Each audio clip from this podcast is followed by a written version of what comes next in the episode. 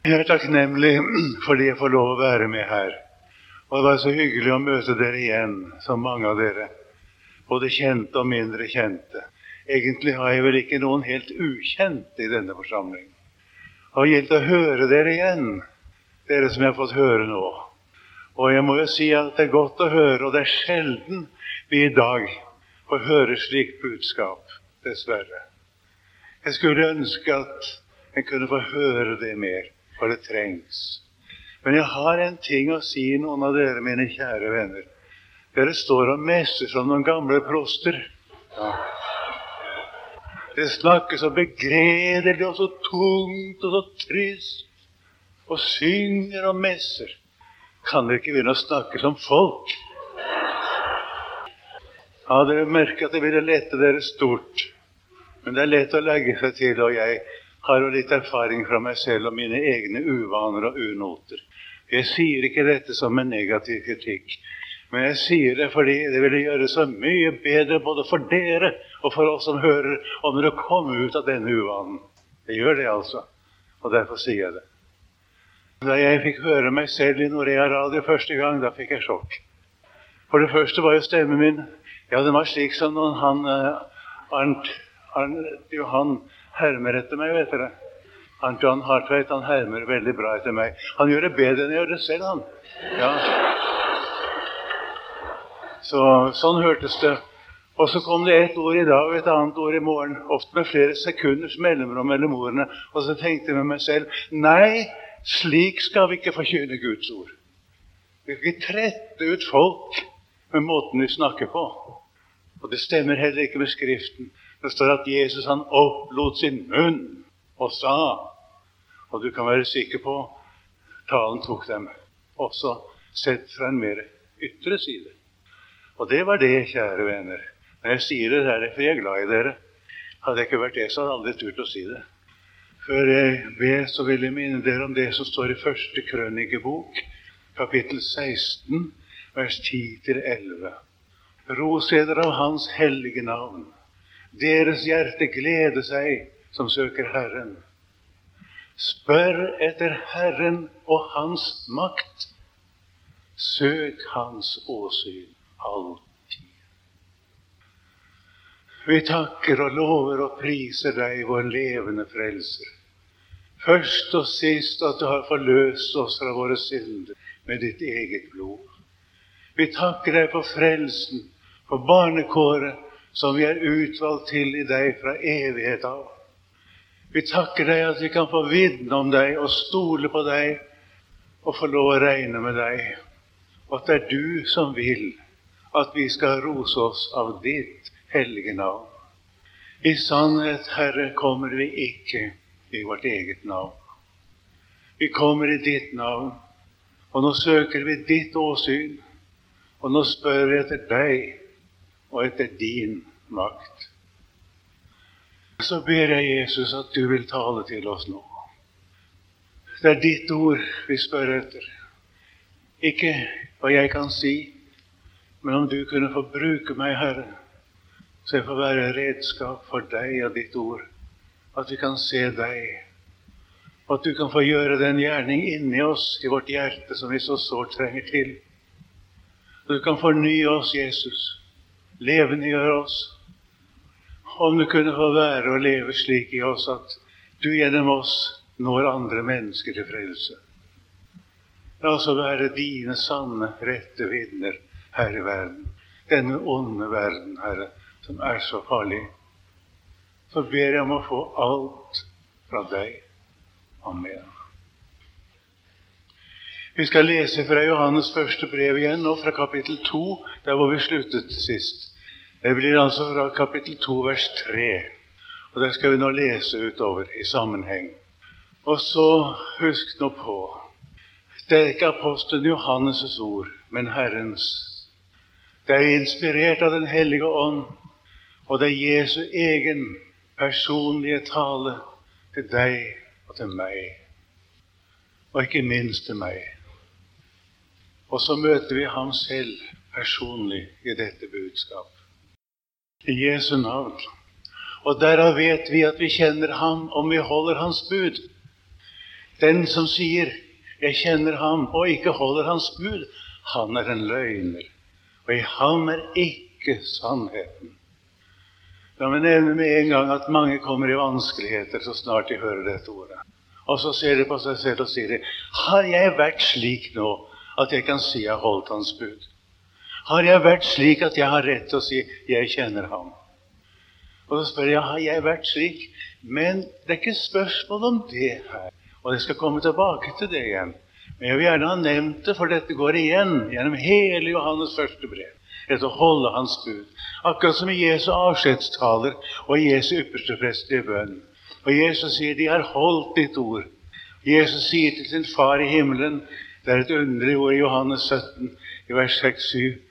De ord som du ga meg, sier Jesus til sin far, har jeg gitt dem, og de har tatt imot dem, og kjent i sannhet at jeg er utgått fra deg, og de har trodd at du har utsendt meg. Og så kommer det i vers 20. Jeg ber ikke for disse alene, men også for dem som ved deres ord kommer til å tro på meg. Ser du gangen i det? Jeg taler det jeg har sett hos min Fader, sier Jesus. Han kalles, som en antydet i går, det troverdige og sandrup vitne. Jeg taler det jeg har sett hos min far. Og det står i slutten av Johannes evangeliet det han har sett og hørt, det skal han vitne og forkynne. Og han sier til Nikodemus vi taler det vi vet, og vi vitner det vi har sett. Og Da tar han seg selv sammen med døperen Johannes, for døperen han kunne si det at 'jeg har sett Ånden komme ned og bli over ham'. Og jeg kjente ham ikke, men han som sendte meg for å døpe med vann, han sa til meg, den du ser ånden komme ned og bli over, han er den som døper med Den hellige ånd. Og jeg har sett det, og jeg har vitnet at han er Guds sønn. På samme måte sier han vitner. Og Johannes 5 sier jeg kan ikke gjøre noe med meg selv. Det som Faderen sier, det gjør jeg. Jeg taler ikke av meg selv, men jeg taler Hans ord som har sendt meg. Det er Guds eget ord. Dette kommer gjennom apostelen til oss. Og så er det da noe som Jesus legger oss på hjertet. Det kaller han bud. Jeg kom en gang trett og sliten til Kristiansand i 1933. var det. Jeg skulle ha møteuke der, og jeg hadde reist i fire måneder. Så kan dere tenke dere hvordan jeg var. Jeg var så trett at jeg holdt på å få gå. Jeg så Hansen Tangen skipsreder Hansen Tangen, som jeg skulle bo hos, og som var formann i foreningen der. Og Jeg var så trett, og så kommer han og sier til meg Nå skal du og jeg reise ut på Agerøya. Det er et landsted som han hadde. Og der skal du ha ro ut, og vi skal fiske torsk, sa han. Nei, jeg kan ikke det, sa jeg. Det kan jeg ikke. Jeg er kommet for å ha møter. Å ja, jeg har ordnet med kretssekretæren. Ja, du er fri. Nå skal du ut og hvile deg. Vi skal ut og hvile der en hel uke først. Du og jeg. Og vi skal ha det godt. Dette var ikke noe i denne verden jeg kunne ønske mer enn det. Så sa jeg nei, det går ikke, så jeg kan ikke det. Så sa han dette er et bud. Ja, dette er et bud. Du skal. Tror du det budet var tungt? Nei, det var et gledebud. Det er noe Jesus sier, du. Det er så viktig. Det er så viktig at det er viktigere enn alt ellers i tilværelsen. Du kan ikke nevne en ting som er viktigere. Det er viktigere enn selve loven fra Sinai. Jesus sier det er mitt bud. Det skal du holde. Og det ord som er oversatt med 'holde', det er det samme ordet som man bruker om å oppbevare verdisaker. Og verdisaker det er sånn som folk er glad i det, og er redde for å miste. Det Jesus snakker om å holde, det er at du skal ta vare på mitt ord slik som du tar vare på det som du er redd for å miste, det som du må ha, det som du ikke kan unnvære, det som du skjønner dette er det som har verd for meg. Slik skal du ta vare på mitt ord. Det er det som betyr med å holde. Skal vi lese det en gang til? Og derav vet vi at vi kjenner Ham om vi holder Hans bud. Den som sier at han kjenner Ham og ikke holder Hans bud, han er en løgner. Og i ham er ikke sannheten. Men den som holder Hans ord, i ham er sannelig kjærligheten til Gud blitt fullkommen. Ja, hvordan kan den bli det, tenker noen. Fullkommen betyr Da er kjærligheten til Gud blitt så stor som det er mulig at den kan bli hos et menneske så lenge han er her i verden. Det viser seg i forholdet til Herrens ord hvordan det er med kjærligheten til Ham. Og Jesus sier også det at om noen elsker meg, da holder han mine bud. Betyr Jesus noe for oss, så betyr det alt det som han legger oss på hjertet, det samme for oss. Vi har jo noe som heter kjærlighetsbrev. og dere husker jo de brevene fra deres ungdom, ikke sant? Og noen av dem er kanskje aktuelle fremdeles, skulle jeg tro. Ja, du gjør ikke med de brevene som du leser i en avis, fordi den personen som har skrevet det, betyr noe. Om noen elsker meg, da holder han mine bud. Altså, den som holder Hans ord i ham, er sannelig kjærligheten til Gud blitt fullkommen. Og dette kjenner vi at vi er i ham. Den som sier at han blir i ham, han er oss skyldig å vandre således som han vandret. I elskede. Det er ikke et nytt bud jeg skriver til dere, men et gammelt bud som vi hadde fra begynnelsen. Og det gamle bud er det ord som jeg har hørt. Og dog er det et nytt bud jeg skriver til dere. Og det er sant i ham og i eder. Nettopp bare på den måten. Det er sant i ham og i eder For mørket viker bort, og det sanne lys skinner allerede. Den som sier at han er i lyset, og som hater sin bror, han er ennå i mørket. Men den som elsker sin bror, han blir i lyset, og det er ikke anstøt i ham. Han kan altså ikke komme til å volde sin bror noen ulykke eller fare eller noe sånt, for det er ikke anstøt i ham. Den som hater sin bror, han er i mørket og vandrer i mørket og vet ikke hvor han går hen, fordi mørket har blindet hans øyne. Jeg har skrevet til dere, mine barn, fordi deres synder er dere forlatt for Hans navns skyld. Jeg har skrevet til dere i fedre, fordi de kjenner Ham som er fra begynnelsen. Jeg har skrevet til dere unge fordi jeg har seiret over den onde. Jeg, har skrevet, jeg, har, jeg skriver til dere unge, det står nå til der, fordi jeg har seiret over den onde. Jeg har skrevet til dere, mine barn, fordi jeg kjenner Herren, fordi jeg kjenner Faderen skal være der, ja. Jeg har skrevet til dere i fedre fordi jeg kjenner Ham som er fra begynnelsen. Jeg har skrevet til dere unge fordi jeg er sterke. Og Guds ord blir i eder, og det skulle egentlig stå og følgelig har I seiret over den onde. Elsk ikke verden, heller ikke de ting som er i verden. Om noen elsker verden, da er kjærligheten til Faderen ikke i ham. For alt det som er i verden, kjødets lyst og øynenes lyst og storaktighet i levnet, bl.a. det man kaller høy levestandard, det er ikke av Faderen, men av verden. Og verden forgår, og dens lyst. Men den som gjør Guds vilje, blir til evig tid.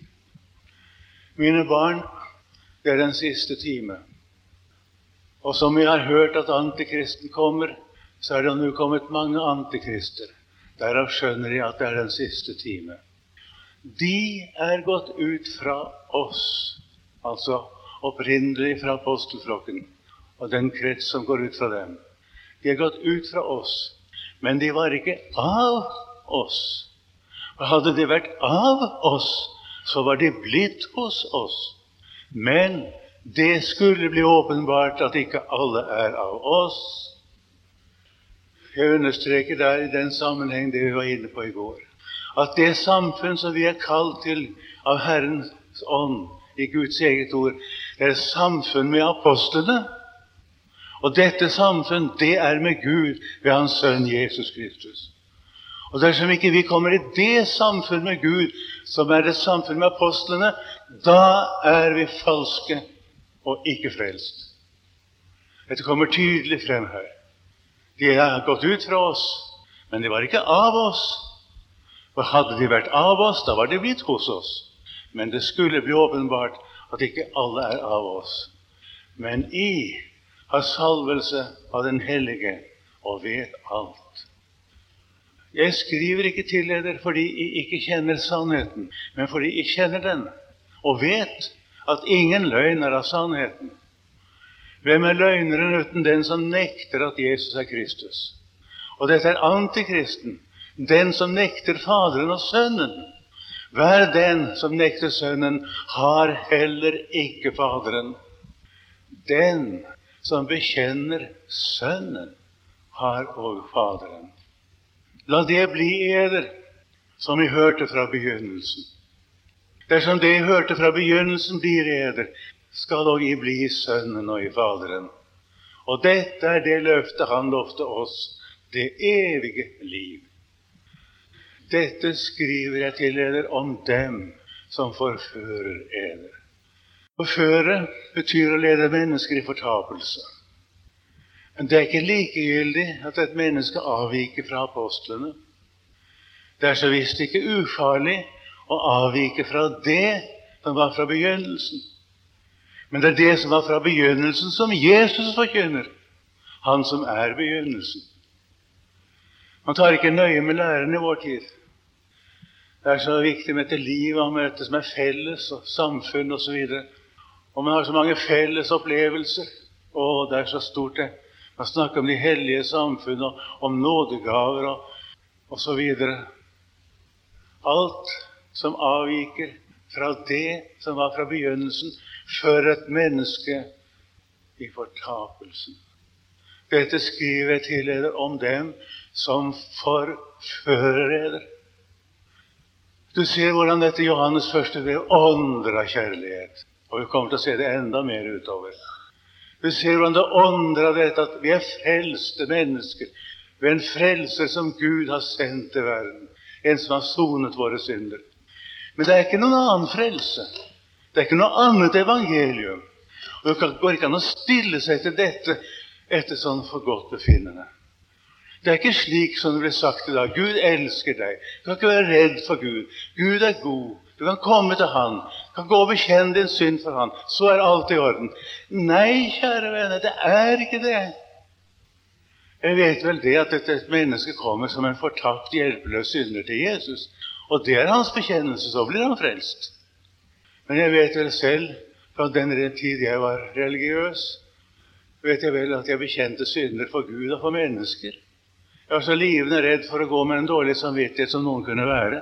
Og minste ting måtte jeg bekjenne det for Gud. Ikke bare for Gud, men også for mennesker. Hvis det hadde noe minste mennesker å gjøre. Det var bare det at jeg var ikke frelst. Det var den dagen da jeg sto der for Guds ansikt og så ikke så det var håp og redning for meg mer. Og alt hadde slått feil. Jeg hadde ikke klart å bli omvendt. Jeg har strevd med å omvende meg i årevis. Nesten tre år. Og det var det ene og det var det andre. Jeg bør ikke fortelle det. Dette kjenner dere til. Dette forkynner dere selv. Så sto jeg der en dag, eller jeg satt rettere sagt da, på universitetsbiblioteket. Den mørkeste stund som jeg har hatt i mitt liv. Da jeg så frem mot en evig fortapelse, at ikke engang Gud kunne hjelpe meg. Og da, da så jeg at jeg var frelst. Da så jeg at Jesus hadde dødd istedenfor meg. Jeg var fri. Jeg kunne undres på at jeg alltid preker om dette. Og jeg sa til meg selv mange ganger får jeg virkelig se frelse og oppleve hva frelse er, da skal jeg sannelig forkynne den. Dette brev ånder av dette. Og det ånder av glede, som jeg var inne på i går. Og en salig fryd. Og jeg vil ikke uten videre underskrive det som ble sagt her i går, at vi kristne ikke har det godt her i verden, for det har vi. Men i Kristus, altså. Ikke av verden. Ikke av ting som er i verden, har vi det godt. Nei, langt ifra. Er det noe som ødelegger for oss, er det de tingene som er i verden. Men vi har det godt. Vi har det salig i frelsen i Jesus. Allikevel det er nærliggende å kunne komme bort, komme inn på en avvei, enda kanskje uten å merke det selv til å begynne med. Så tiden er farlig. Og han som sang om giften i tidens vær og vind, han sa det som apostelen Paulus sier i Efeserbrevet, at denne, den ånd som nå er virksom i vantroens barn. Det er høvdingen over luftens makter som står bakom det. Det er djevelen. Det er han som hersker over vantroens barn. Det som heter innflytelse, altså. Tidsånd. Det er det som er så farlig. Vi behøver ikke å gå inn for store og vrange lærdommer, men selve innflytelsen, tidsånden, den er farlig. Og det er sant at vi har trengsel i verden, men den snakker jeg ikke noe om. Jesus har overvunnet verden. Vær frimodige, sier han. Vær frimodige. Jeg har overvunnet verden. Og det vil jeg gjerne ha sagt i denne sammenheng, for det er liksom noe av poenget i Johannes første brev. Verken verden eller djevelen eller vårt gamle menneske endog kan forføre oss så lenge vi blir i sannheten. Men kommer vi bort fra Guds ord, da går det som Luther sier, at for djevelen oss først bort fra Guds ord, så fører han oss siden hvor enn han vil. Og det er dette ordet legger oss så inderlig på hjertet. Nå hadde vi lest til og med vers 25, um, var det vel? I, nei, vers 26, mener jeg, i Johannes, i det andre kapitlet. Jeg skal ta med vers 27 og 28 også. Og i den salvelse som vi fikk av Ham, altså Den hellige ånd, den blir eder og jeg trenger ikke til at noen skal lære eder. Men som Hans salvelse lærer eder alt, så er det òg sannhet og ikke løgn. Og bli i Ham, således som den lærte eder. Og nå, mine barn, bli i Ham, for at vi, når Han åpenbares, kan ha frimodighet og ikke bli til skamme for ham ved hans komme. Dersom vi vet at Han er rettferdig, da skjønner De Merk dere uttrykket. Da skjønner De at hver den som gjør rettferdighet, er født av Ham, født av Gud. Den salvelse som vi fikk av Ham, det er altså Den hellige ånd. Og dette ordet det blir da ofte også misbrukt til å føre folk bort fra sannheten. Man snakker om at Jesus i sine avskjedstaler sier at jeg har ennå meget å si dere, men dere kan ikke bære det nå. Men når Han, talsmannen, sannhetens ånd, kommer, da skal Han lære dere alle ting og minne dere om alle ting som jeg har sagt dere. Og Han skal herliggjøre meg, for Han skal ta av mitt og gjøre det kjent for dere, som det nøyaktig står. Og så sier man vi har fått Guds ånd. Han skal jo minne. Han gir oss jo profetisk nådegave. Han gir oss innsikt, så vi kan ikke bli hengende fast i i enkelte formuleringer i Bibelen, f.eks. Guds ånd skal jo opplyse oss og skal jo føre oss videre. Og det har jo ennå Jesus sagt, sier de. Det er å rive Guds ord ut av sin sammenheng. Da Jesus holdt sine avskjedstaler, kunne ikke disiplene Da hadde han meget å si dem som han ikke kunne få sagt, men som lovte skulle bli åpenbart fra ham selv ved Den hellige ånd like sikkert og klart som han selv sto der og snakket med dem. Det skulle komme, men de kunne ikke bære det ennå. Det sier han. Og Jeg antydet også i går at det var ting disiplene ikke forsto ennå da Jesus sa de er alt rene på grunn av det ord som jeg har talt til dere. Senere forsto de det. Etter oppstandelsen så opplot Jesus deres forstand så de kunne forstå Skriftene. Da så de i Guds ord på en helt ny måte hva det var de hadde opplevd sammen med Jesus. De hadde sett Jesus, de hadde hørt Jesus, men de hadde ikke fattet alt dette egentlig var, før Jesus opplot deres forstand, så de kunne forstå Skriftene. Det som står skrevet, det er det som er nødvendig for at vi kan se og forstå og oppleve at Guds ånd kan få vise oss hvem Jesus er og hva kristendom i det hele tatt går ut på. Dette glemmer mange i dag. Og så kan vi nå stille spørsmålet ganske enkelt. Når har Jesus innfridd dette løftet? Talsmann, sannhetens ånd, han skal veilede dere til hele sannheten. Og jeg skal minne dere osv. Når har han innfridd det? Jo, i apostlenes gjerninger, i brevlitteraturen og i Johans åpenbaring. Altså i Guds ord. Det er ikke åndelige opplysninger, åndelige veiledninger utenom Guds ord. Jesus har innfridd sitt løfte. Talsmannen, sannheten, sånn kom til jorden på pinsedag og er ikke vendt tilbake igjen.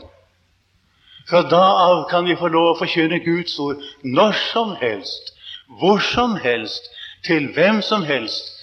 Det kunne vi ikke før frelsen var fullbyrdet. Talsmann er et gresk ord. Det er oversatt på flere måter i forskjellige språk. På svensk heter det vel for det meste 'hjelperen', gjør det ikke det? Det er en god oversettelse, det også. Talsmann. Vi hører en som taler en annen sak.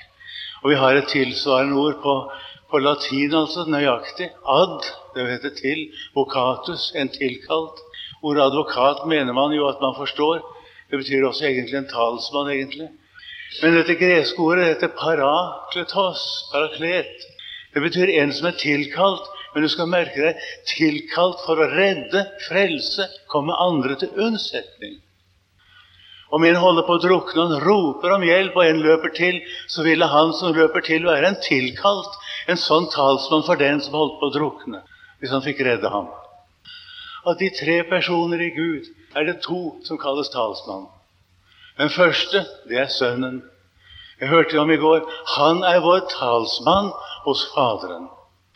Gud har, og det er hans evige råd, før han skapte himmel og jord og noe menneske Gud har i sitt eget evige råd tilkalt Sønnen for at han skulle gå i vårt sted. Han skulle leve vårt liv, gjøre våre gjerninger. Han skulle ta dommen og straffen for våre synder. Han skulle gjøre opp hele regnskapet med Gud for oss som menneske. Derfor måtte han i alle ting bli sine brødre lik, står det i Efeserne 2. For at han skulle bli en trofast og miskunnelig yppersteprest for Gud, til å gjøre soning for folkets synder. Han måtte inn i våre kår. Han måtte bli som en av oss for å gjøre våre gjerninger. Han måtte simpelthen være oss, som Luther sier. Kristus, det er meg, og jeg, det er Kristus. Vi har i den grad byttet plass med hverandre. Jeg hørte Billy Graham. Han talte meget godt og sa meget godt om Jesus. Han ødela hele talen sin til slutt. Han sa nemlig ja, således har Jesus gjort sitt. Nå gjelder at du og jeg, at vi gjør vårt, at du gjør ditt. Nei, Jesus gjorde ikke sitt. Han gjorde ditt og mitt. Han gjorde det hele. Og frelsen, det er Jesus. Å være et frelst menneske er å ha Guds sønn. Det står i kapittel 5-12, som vi også kommer til til slutt. Det er ikke frelse i noen annen. Det er den første talsmann. Men så er det en annen talsmann. Jeg vil be Faderen, han skal gi dere en annen talsmann, for at han kan være hos dere evinnelig. Sannhetens ånd, som verden ikke kan få, for den ser ham ikke og kjenner ham ikke. I ser ham, for han blir hos eder og skal være i eder. Det står i Johannes 14 fra vers 15 utover. Jeg vil ikke efterlate dere farløse. Jeg kommer til dere, sier han. Enda en liten ser meg ikke lenger, men I ser meg. For jeg lever, og I skal leve. Altså Det betyr dere kommer til å leve fordi jeg lever. Jeg lever, og derfor kommer dere til å leve. Og den dag skal de kjenne, oppleve, at jeg er i min Fader, og i meg, og jeg er Så kommer det en, den som har mine bud og holder dem. Den som har det som jeg har vinnet, om meg selv og min frelse, som jeg har lagt dere så på hjertet. Den som har dette, og tar vare på det, tar det til seg. Han er den som elsker meg. Men den som elsker meg, skal elskes av min Fader. Og jeg skal komme til ham og åpenbare meg for ham. Her får du svar på mange ting. Vi har fått en annen talsmann. Og det ordet er eiendommelig. Ordet 'annen' det betyr for det første en talsmann nummer to. A second, som vi vil si på engelsk.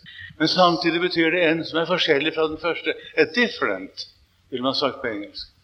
En talsmann nummer to som er forskjellig fra den første talsmann. Det er Den hellige ånd. Han er av Faderen tilkalt for å være våre hjerter. Og sannheten om oss er jo ikke bare den at vi har mistet vår Guds frykt, og at vi trenger soning for våre synder og alt som Jesus har gjort. Men vi har mistet evnen til å være gudfryktige. Vi har mistet evnen til å forstå Guds ord, evnen til å be, evnen til å ta imot, evnen til å komme har vi mistet av vår synd. Her kommer talsmann nummer to.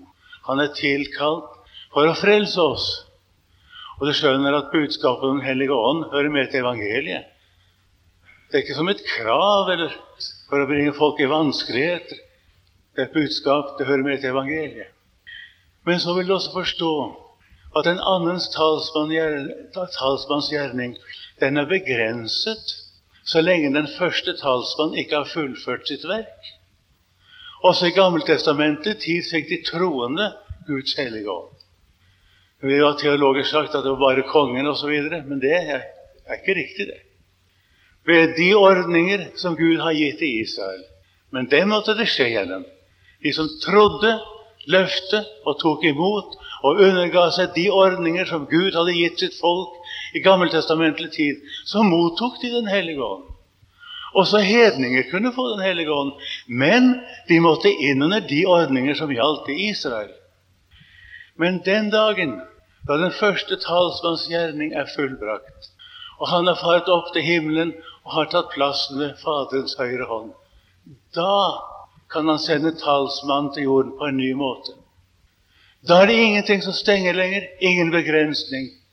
Fra da av kan altså Guds ord forkynnes når som helst, hvor som helst, til hvem som helst av dem som Guds ord har fått åpenbare frelsen for, og som har dette budskapet fra Gud i seg.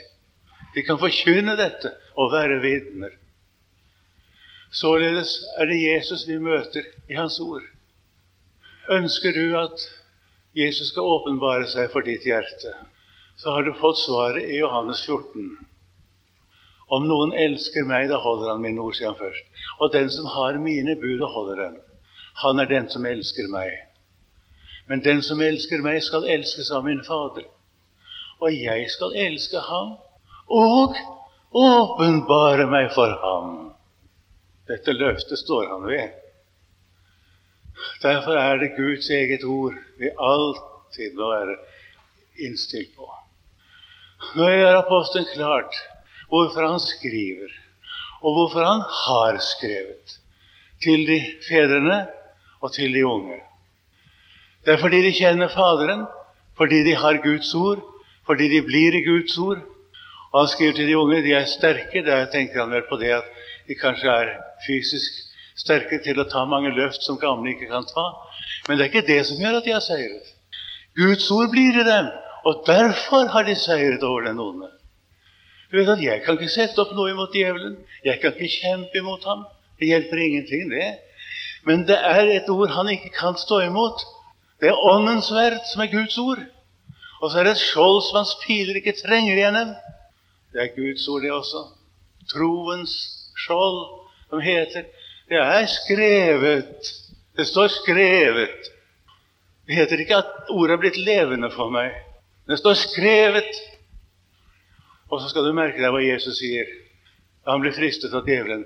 Det er skrevet mennesker lever ikke av brød alene, men av hvert ord som går ut av Guds munn. Vi hører ofte at man siterer bibelord, og så begrunner med at Guds ord vender ikke tomt tilbake. Jeg må bare beklage at jeg må si at de fleste av de siterte bibelord vi hører, de vender nettopp tomme tilbake. Fordi det er ikke Guds ord. De løsriver ordene fra sin sammenheng. Og så bruker de bibelord som eksponent for sine egne tanker. Det er farlig, det. Og hvis det er du eller jeg, eller hvem det ellers er, bruker bibelord som uttrykk for våre egne tanker, da vender det tomt tilbake. Det står Ordet som går ut av min munn, skal ikke vende tomt tilbake. Esaias 55. Og det er det Jesus henvender til. Det vil si ordet slik som det står skrevet i Bibelen. Det er ordet av Guds munn. Nøyaktig slik som det står skrevet, med den mening ordet har i Bibelen, er det et allmektig budskap som djevelen må rømme for, og som gir oss seier. Er du fortrolig med, det, med Bibelen? Leser du den? Det er sykdommen i vår tid. Folk leser jo ikke Bibelen mer. Ikke engang kristne mennesker som man skulle vente mer av.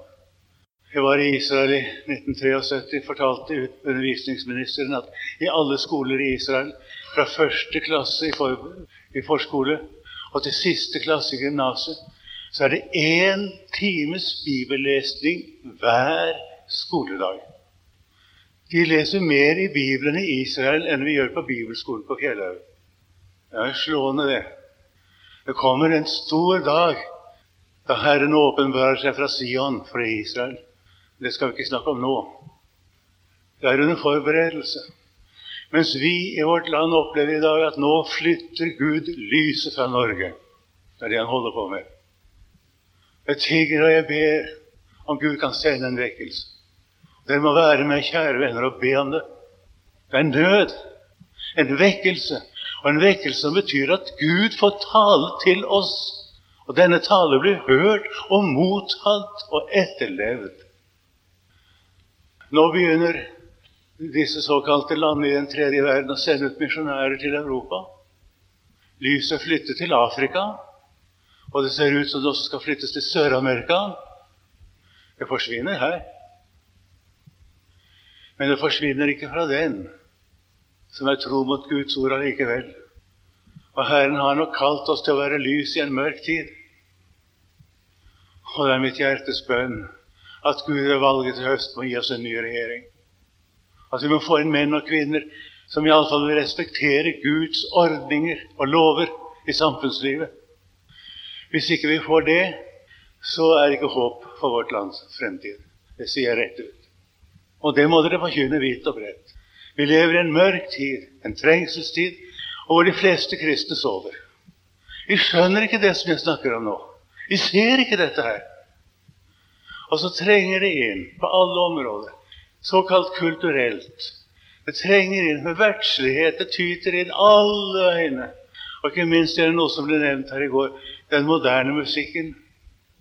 Her tar man jazzrytmer og setter til noe man kaller kristne tekster. Jeg hørte fra et stort ungdomsstevne som ble overført i radio her nå tidlig på forsommeren. Det var en sanggruppe som sang vi har en leder, halleluja. Vi har en leder, halleluja. Vi har en leder, halleluja. Vi har en leder, halleluja. Og så sang de det fire ganger til. Ja, hele teksten på jazzrytme. Det er noe pølsevev. Leder kommunister er ledere, de òg. Hva er det for noe sludder? Og sånn sitter troende mennesker og nikker til og syns dette var gildt.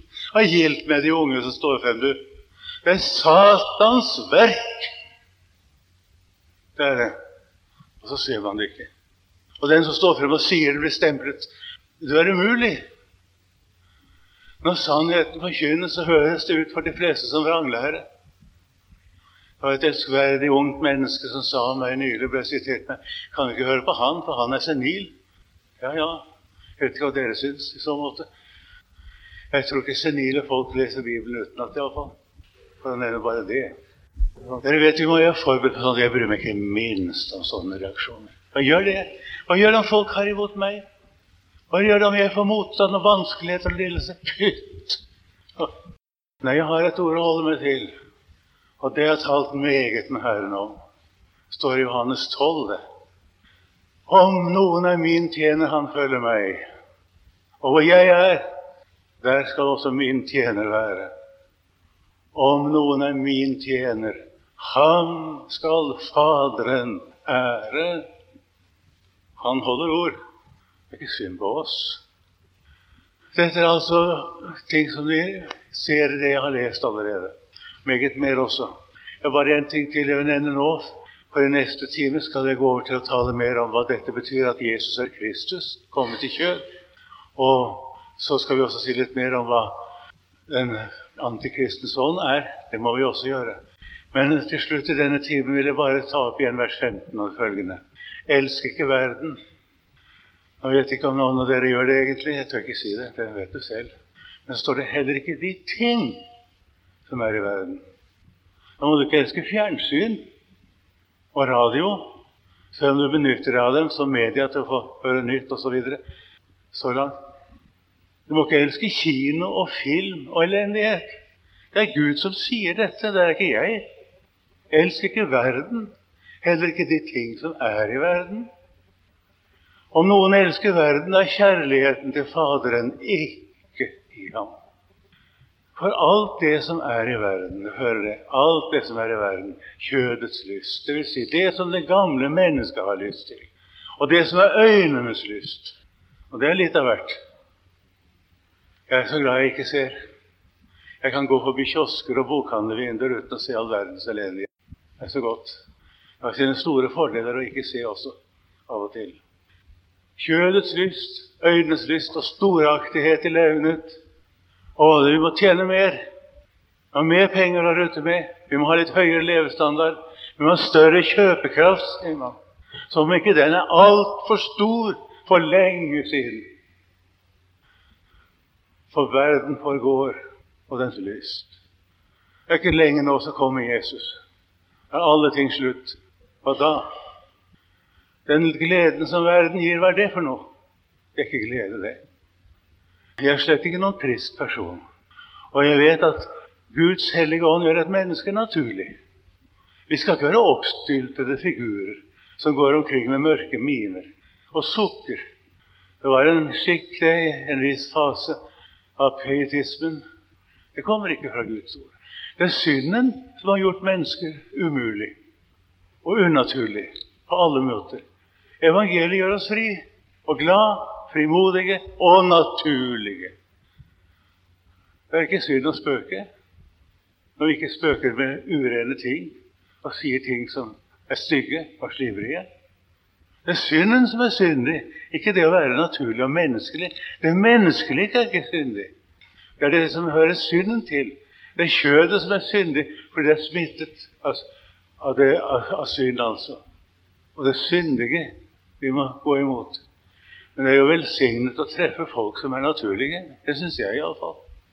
Og jeg har kjent noen kristne som har betydd veldig meget for meg, og som har vært en fryd å være sammen med. Og en av de kristne som jeg personlig har hatt mest glede av å være sammen med, det var Hugo Odeberg i Lund. Han var fri i sin ånd. Men du, for en, for en kristen. Og for en ydmyk person. Uten at han trodde det minste om seg selv at han var noen ting som helst. Jeg husker jeg møtte ham. Vi skulle være sammen i Ringamåla på et bibelkurs hos Josef Persson. Og jeg hadde ikke møtt ham før. kom han og hilste. Du, sa han. Ja, jeg må si at du. Han er antagelig den lærdeste mann som har vært i vårt århundre. Han behersket bl.a. 22 språk, for å si bare litt. Han kunne hele Bibelen utenat på grunntekstene. Så sa han til meg det. Han kom med noen bøker under armen. Og en av dem var Roseni i dagbetraktelser. Altså Rosenis husanverksbok som jeg sier. Og jeg leste stykket dag morges, han. jeg får si det på norsk. Jeg leste stykket av morges, det var så godt for meg. Tror du at jeg i dag, før jeg begynner på min tale, kan lese det stykket for forsamlingen her? Ja, sa jeg. Det tror jeg de vil takke Gud for. Og det gjorde han. Og jeg tenkte meg selv om en professor i teologi her i Norge hadde kommet med Rosenius husholdsbok og sagt tror du jeg skulle få lov å lese en betraktning av Rosenius før jeg begynner på mitt foredrag. Det var en velsignet mann. Det var noe frigjørende å være sammen med ham. Han var så naturlig. Veldig naturlig. Jeg nevner dette fordi det er ikke meningen at vi skal havne i uføre. Og det er ikke meningen at vi skal bli sånn litt merkverdige sånn.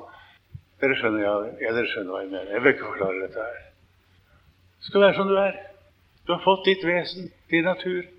Vi skal ikke ligne hverandre sånn. Vi er forskjellige for at vi skal være forskjellige og naturlige. Men vi skal vokte oss for verden. Elsk ikke verden, heller ikke de ting som er i verden. Den er farlig. La oss elske hverandre. Det kommer vi tilbake til. Kjærligheten er av Gud.